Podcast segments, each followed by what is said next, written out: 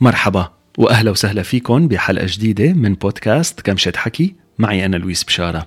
مشاغل الحياة والمسؤوليات التوتر والقلق كلها من الأمور اللي بتأثر على صحتنا النفسية وعلى توازننا النفسي. كيف فينا ننتبه على هالجانب المهم من حياتنا مثله مثل انتباهنا على صحتنا الجسدية وشغلنا وعلاقاتنا. اليوم رح نتعرف على أهم سبع أمور ممكن نطبقهم بحياتنا لحتى نحسن من صحتنا النفسية. وقبل ما نبلش بأول نقطة حابب أني أذكركم تشتركوا بالبودكاست وتتركوا ريفيو أو تقييم. خلونا مباشرة ننتقل للنقطة الأولى. بداية يومك. البداية من البداية هي هي القاعدة اللي بدي أطلب منكم تتذكروها. كتير مهمة. كتير مهم لحتى نخلي نهارنا أحلى نركز على البدايات ونعرف كيف فينا نبلش يومنا وبأي طريقة. رح شارككم ثلاث أمور أنا شخصيا بعملهم وفيكم أنتم تطبقوهم بحياتكم أو فيكم تختاروا أي بداية أنتم بتفضلوها. أول شيء بعمله أول ما فيق هو إني باخد خمس دقايق لأعمل تأمل أو مديتيشن بسمع موسيقى رايقة بركز على طريقة التنفس وبرجع من بعد ساعات طويلة من النوم أتواصل مع هالكون مع العالم من خلال النفس. تاني شيء بحاول إني ما أعمله هو إني ما أستعمل الموبايل بأول 30 دقيقة من نهاري. لحتى ما خلي عقلي يتلقى كم كبير من المعلومات والصور والرسائل اللي ممكن تسبب لنا كثير من التوتر وكثير من القلق ببداية النهار الخطوة الثالثة هي أني رتب فرشتي أو تختي لأشعر أنه بلشت هالنهار بإنجاز. هيدي نقطة كثير مهمة.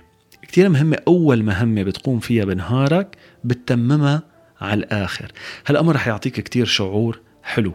لو كانت هي شغلة بسيطة ولكن إذا كنت من بين الأشخاص اللي ما بيرتبوا تختهم أول ما بيفيقوا جرب من بكرة تعملها وصدقني رح تشعر بنفس اللحظة اللي أنت عم ترتب فيها فرشتك بشعور كتير حلو.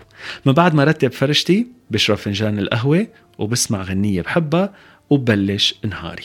النقطة الثانية من النقاط السبعة لحتى نحسن من صحتنا النفسية هي أنه ننتبه على صحتنا الجسدية.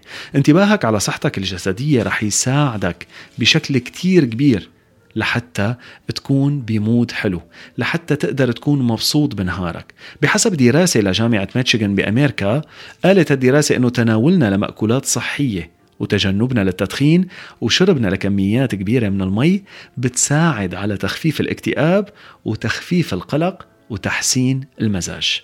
أما النقطة الثالثة فهي العلاقات الاجتماعية. نوعية حياتك وصحتك النفسية من نوعية علاقاتك والناس المحيطين فيك.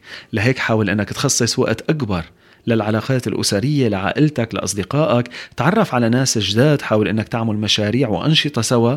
لأنه كل ما كانت علاقاتك أفضل هالشي رح ينعكس عليك. وكتير كتير مهم أنك تركز على نوعية العلاقة. لأنه بعض العلاقات السامة بحياتنا اللي فيها استغلال وجرح لمشاعرنا ممكن تعمل مفعول عكسي وتأثر بشكل كتير سلبي على صحتنا النفسية. النقطة الرابعة أنه نساعد الآخرين.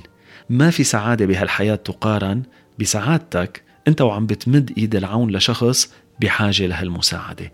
لهيك كتير مهم نخلي مساعدتنا للناس اللي من حولنا للناس اللي بنعرفهم لزملائنا بالشغل تكون جزء من يومنا لأنه هالمساعدة رح تزرع كتير فرح بحياتنا ورح تأثر بشكل كتير إيجابي على صحتنا النفسية. النقطة الخامسة ما تحاول تلغي القلق تعلم كيف تتعامل معه. رح أرجع عيد ما تحاول إنك تلغي القلق من حياتك اتعلم كيف تتعامل معه. القلق هو حقيقة ما فينا نتجنبها بالحياة. بس فينا ندرب حالنا على مواجهتها. مش إنه نخاف من القلق ونخاف من التوتر ومنحاول إنه نهرب منه. لازم نتعلم كيف نواجه القلق بالحياة من خلال يمكن الموسيقى التأمل الرياضة المشي القراءة التفكير بطريقة إيجابية. كل واحد منا لازم يلاقي طريقة بحياته تقدر تكون هي اللي عم بتساعده لحتى يكون أقوى بوجه الصعوبات بوجه القلق بوجه التوتر اللي ممكن نواجهه بحياتنا. النقطة السادسة حدد أهدافك. لتكون سعيد بحياتك لازم تعيش شعور التقدم والتطور كل نهار. من هون أهمية أنه يكون في عنا أهداف واضحة ويكون في عنا خطط لحتى نقدر نحقق هالأهداف. وما ننسى أنه نكافئ أنفسنا على كل الإنجازات حتى الصغيرة منا. أي إنجاز بتعملوه أي مهمة بتكونوا حاطينها على السكجول بنهاركم وبتقدروا أنكم تحققوها حاولوا أنكم تكافئوا حالكم من وقت للتاني لأنه مهم نعيش شعور المكافأة ونحس أنه نحن هالأشياء الصغيرة اللي عم نعملها بحياتنا هي اللي عم بتقربنا أكثر وأكثر من هدفنا الكبير. النقطة السابعة غير روتين حياتك. ممكن تستغرب إني عم بطلب منك إنك تغير روتين حياتك مش إنك تكسره لأنه أنا برأيي الروتين هو شيء مهم بالحياة. لنقدر نتقدم بالحياة لازم نكرر إشياء. التكرار أو الاستمرارية هو اللي بيخلينا نتقدم بحياتنا. ولكن كتير مهم نطلع على روتين يومنا ونشوف شو هن العادات السلبية أو العادات السيئة مثل الكسل مثل التأجيل مثل إضاعة الوقت. هالعادات اللي موجودة بروتيننا اليومي لازم نحاول إنه نطلعها وندخل محلها عادات منيحة.